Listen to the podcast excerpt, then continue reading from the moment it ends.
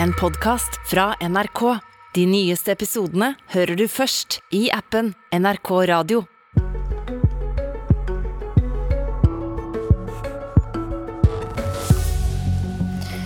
Vi må snakke om vindkraft på land igjen. Aksjonistene som stopper alle prosjektene har fått for mye makt, sier Høyre i dag. Nei, nei, svarer partiet Rødt. Vindkraftaksjonene viste norsk demokrati på sitt vakreste. Ja, velkommen til Politisk kvarter, der vi i dag snakker om vindkraft og ikke minst behovet for mer kraft enn vi har i dag. Og da starter vi med deg, Kjetil Lund, direktør for Norges vassdrags- og energidirektorat. I et langt intervju med VG nå i helga så sa du at politikere er nødt til å velge. Vi kan ikke både ha billig strøm og grønt skifte, og samtidig tro at det ikke krever noen inngrep i uberørt norsk natur. Men la oss starte litt med hvorfor det er sånn.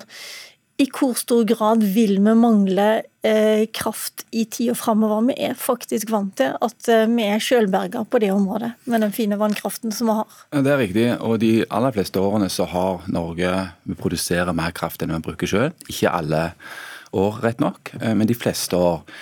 Eh, men med de ambisjonene som nå er om å eh, bruke mer kraft, både til elektrifisering og kutte klimagassutslipp, eh, og legge til rette for ny industri, nytt næringsliv, eh, så, så trenger, vi trenger, vi å, styrke kraftbalansen. Og Iallfall fall Hvis vi i tillegg skal ha ambisjoner om å ha over tid lave strømpriser i Norge, eller rimelige eh, strømpriser i Norge, Eh, så Hvis vi skal kombinere det med å bruke mer kraft til, til å uh, kutte klimagassutslipp og, og, bygge mer industri, og lave strømpriser, så trenger vi å styrke kraftbalansen. Det kan vi gjøre på to måter. Det kan vi, uh, enten kan vi energieffektivisere, bruke den kraften som vi allerede har bygd ut, bruke den mer effektivt. Og så vi, kan vi bygge mer kraft. Energieffektivisering er viktig, for da slipper vi miljø- og naturinngrep. Så slipper vi Eh, mer belastning på eh, kraftsystemet, slipper å bygge nett. Eh, sparer ofte strømregning. Men i tillegg må vi nok bygge mer kraft i tillegg. Men hvor langt kommer vi hvis vi slutter å eksportere krafta vi har til utlandet? F.eks. kutte de to mest omstridte kablene? Ja, vi får ikke mer kraftproduksjon av å kutte kabler. Eh, og sånn som det er nå, så eh, bruker vi de kablene til mye til import. I Sør-Norge har vi importert Eh, i ukevis eh, nå. Uh, og Det er bra for vår forsyningssikkerhet. fordi det betyr at altså Hadde vi ikke hatt de, ikke hatt den muligheten, så måtte vi brukt av magasinet, den, den, kraften som er i magasinet nå. og er, Der er magasinfyllingen låg. Så det betyr at, at vi hadde hatt gått mot vinter med enda lavere magasinfylling. Så nå kommer de kablene godt med. Det, det ene. Det andre er jo at dette er omfattet av regelverk. EØS-avtalen det er det ene. og Det andre er at uh, avtaler om de enkelte kablene. Okay. Ofte snakker vi som om de kablene var norske, som om vi kunne skalte og valte med de som om vi ville. Som, det er det jo ikke. Det er jo andre som har investert i de kablene òg, så, uh, så, det er ikke helt opp til oss sjøl. Det er jo mange veier til mer kraft, da, hvis du skal da gå inn på at vi må ha mer kraft. Du kan oppgradere vannkraftverkene, som du har sagt. Enøktiltak, solceller, havvind. Alt snakkes det om nå, men trenger vi også disse vindmøllene på land, som det har vært så mye motstand mot? Det er et veldig politisk spørsmål, og folk har ulike syn eh, på det. Eh, det jeg vil si er at Vi har veldig gode forutsetninger for vindkraft i Norge fra naturens side. Gode vindressurser. Eh, og, det er stort potensial. Så er det andre altså, teknologier òg. Vannkraften er det viktigste og kommer til å være den viktigste kommer til å være ryggsøylen i norsk kraftforsyning, tror jeg, i ja, om ikke all framtid, så iallfall mange mange år. Eh, kanskje all framtid. Eh, men vindkraft har et stort eh, potensial. Eh, vi har gode vindressurser. Eh, det, kan, det, skjer ikke raskt, men det kan skje raskere eh, å bygge ut mye kraft der enn vindkraft til havs. Eh, men så er det eh, ulike syn på dette og mye engasjement, som vi, som vi vet. Det du nærmest trygler politikerne om nå, det er å ta et valg. Og det du sier altså da, det går ikke an å få til grønt skifte. Mm.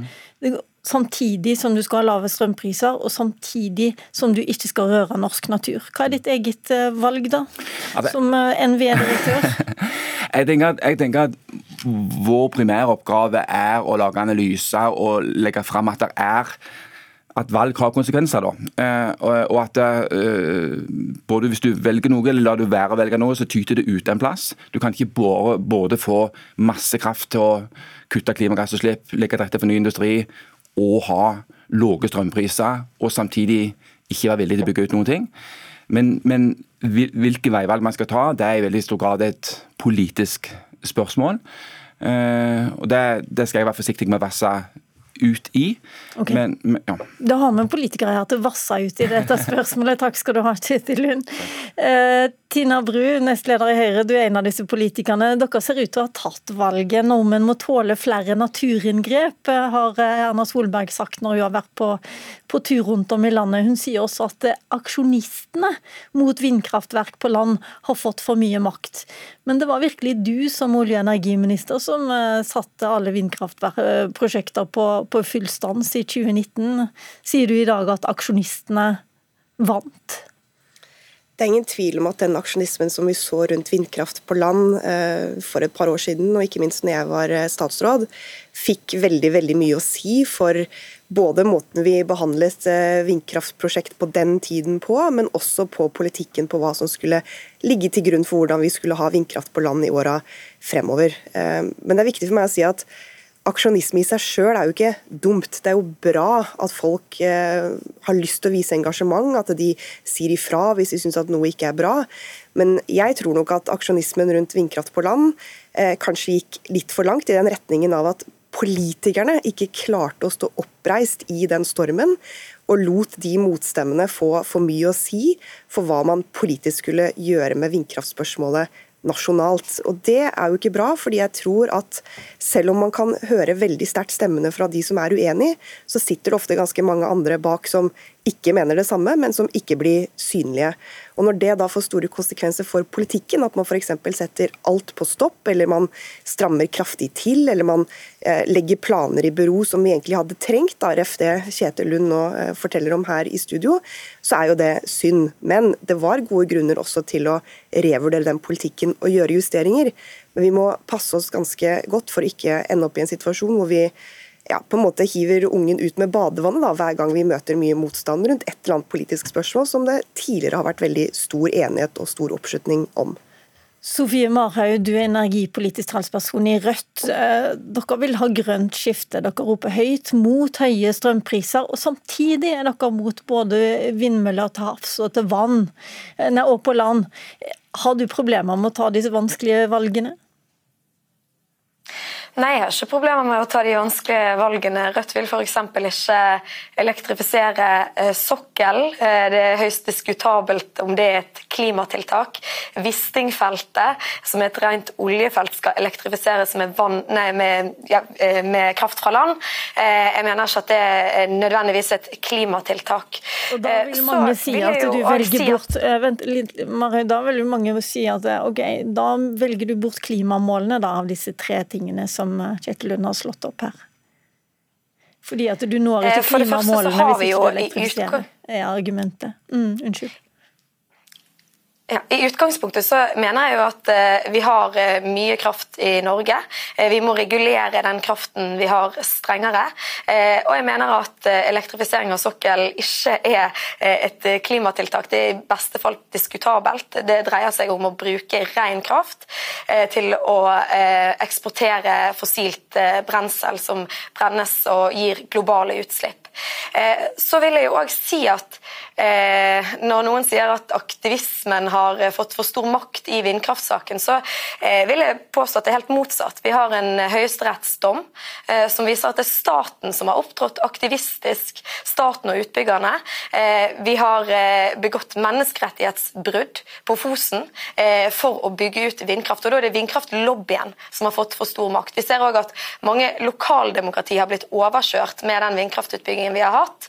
I Tysvær, Haram, Tromsø, Frøya folk har blitt lurt, eh, lokal eh, selvstyre har blitt eh, tilsidesatt, og man har fått en vindkraftutbygging veldig mange har blitt veldig misfornøyd med. demokrati på sitt vakreste, er det det du sier? Ja, jeg syns det er veldig bra at folk engasjerer seg. og Jeg er ikke så glad i politikere som eh, på den ene siden sier at eh, frivillig engasjement og idealisme er bra, men når det kommer til stykket, så, så, har de egentlig lyst til å overkjøre det engasjementet. For det er det Erna Solberg sier når hun f.eks. bruker Fauske som eksempel, da, der eh, kommunestyret har sagt nei til vindkraft, eh, og Erna Solberg går ut og sier at eh, dette egentlig var et helt feil vedtak. Da aksepterer man egentlig ikke at det lokale engasjementet gir seg utslag i politiske vedtak. Og Jeg syns det var bra at eh, vi fikk en pause i vindkraftutbyggingen, og at eh, Høyre var med på det den gangen. Eh, de skulle gå til valg og vinne valg, men nå snur de altså kappen etter vinden i opposisjon og roper om mer vindkraft. Jeg tror mange føler seg lurt når politikerne på Trekk pusten litt nå, Sofie Marhaug, for jeg tenkte jeg skulle spørre Tina Bru om det. Det var jo mye motstand blant Høyre-velgere også. I 2020 så sa du at du forventa mindre utbygging av vindkraftprosjekter. Året etter sa du at toppen var nådd, og nå har du altså ombestemt deg. Hvorfor det? Ja, men Det var god grunn til å forvente mindre utbygging av prosjekter, gitt sånn situasjonen var på det tidspunktet, hvor kommune etter kommune sa nei. Ingen var fornøyd med sånn systemet fungerte. Og Det er jo det som er forskjellen på det som Sofie Marhaug her sier og det jeg mener. det er jo de, de eksemplene hun peker på, er jo gode eksempler på hvorfor vi trengte å gjøre noe med systemet. Det er grunn til å ha et annet type konsesjonssystem, som f.eks. gir eh, lokalpolitikere og kommunene mer makt på eh, å bestemme hvordan prosjektene skal se ut. Men det er noe helt annet enn å innta et standpunkt som da er et eksempel mener jeg da, på at aksjonismen går for langt, hvor man bare konsekvent sier nei til alt. Det er jo noe helt annet. Det er jo ikke å justere kursen, lytte til demokratiet, lytte på motstand. Det er jo bare da inntatt standpunkt hvor man sier blankt nei, og så har man ingen løsning på utfordringene fremover. Vi må klare begge deler, gitt den situasjonen vi står i nå, med alt vi har lyst til å få til. Vi har ikke nok kraft fremover til å både ha lave priser og få til alt det vi har lyst til på industriutvikling. Da kommer vi også til å trenge mer kraft. og da er spørsmålet hvordan skal vi få til å realisere den krafta, men også ha folk med på laget? Da må jo politikerne justere kursen, ikke bare heise et flagg og si blankt nei og innta et standpunkt som, er, ja, som ikke tar oss fremover, i hvert fall. Det er jo litt sånn som standpunktet Rødt har rundt olje og gass, at ikke de har lyst til å elektrifisere sokkelen. Ja, helt logisk i all tid du vil legge ned olje og gass. I tillegg så vil de jo ikke satse på havvind f.eks.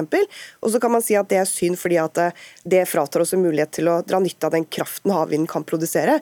Men det jeg syns er verst med det, er jo at eh, Rødt med det frarøver Norge en industrimulighet som passer kjempegodt med det vi allerede er gode på. Okay. Dette er eksempler på at de inntar standpunkt som bare er populisme, men som ikke har noen løsninger på hvordan vi skal kunne gjøre ting bedre ved å lytte på motstanden som kommer. Nå må du trekke pusten, for nå er det Marius sin tur her. Kan du svare på det? Ja, altså Det er jo Høyre som er et populistisk parti som eh, endrer mening eh, når eh, presset blir større og folkeviljen snur. Som vi ser nå er det mer populært med vindkraft igjen. Det viser meningsmålingene. Da endrer Høyre sitt standpunkt. Så Høyre sin populisme den må de nesten svare på sjøl. Rødt har ment det samme før og etter valget. Vi har ikke lurt velgerne på noen måte. Vi er mot vindkraftutbygging på land. Vi vil ikke legge ned olje- og gassindustrien, sånn som Høyre sier, men jeg peker på helt konkrete prosjekter, sånn som Wisting, som ikke er et eh, klimatiltak, eh, men som handler om å bygge ut et eh, nesten rent oljefelt og bruke ren kraft fra land okay, for men, å gjøre det. Jeg syns man må slite med å forklare at det ja. Jeg bare lurer på en ting. Eh, er det ikke sånn at man må se på gamle standpunkter litt på ny med den situasjonen vi har nå med strømprisene? Er det sånn at dere sier nei til absolutt alle vindmøller og vindkraftprosjekter på land? Ser du ingen fordeler med noen av dem? Altså, Eh, vi sier nei til vindkraftutbygging på land, eh, det er det vi har gått til valg på. Eh, og så etter at den pausen ble opphevet og kommuner liksom frivillig skulle, skulle, be om å få bygge ut vindkraft, så er det to kommuner i Midt-Finnmark som har bedt om det. Og her ser man igjen at det kommer i konflikt med eh, urbefolkningen, eh, med reindriften. Vi har en Fosen-dom som ennå ikke har fått eh, virkning. Eh, det pågår et menneskerettighetsbrudd i Norge med eh, den vindkraftutbyggingen vi har på Fosen. Det er en lignende rettssak i Øyfjellet, på Øyfjellet eh, som Høyre tidligere har betegnet som en, en, konfliktfri utbygging. Det er det på ingen måte. så man må jo Man kan ikke på den ene siden si at vi skal følge menneskerettighetene, og på den andre siden bygge ut vindkraft okay. midt i reinbeiteområder. Det er det som har, har skjedd, og det er de prosjektene som er aktuelle der mm, kommunestyret har. Ja. Nettopp, jeg er nødt for å stoppe deg der. Beklager igjen, Sofie Marhaug. Jeg må si tusen takk for at du var med, og takk til Tina Bru. Og så får vi bare konstatere at i den grad det skal tas modige valg, så blir de neppe enstemmige i tida framover heller. Mitt navn Lilla Sølvisvik. Du har hørt en podkast fra NRK. De nyeste episodene hører du først i appen NRK Radio.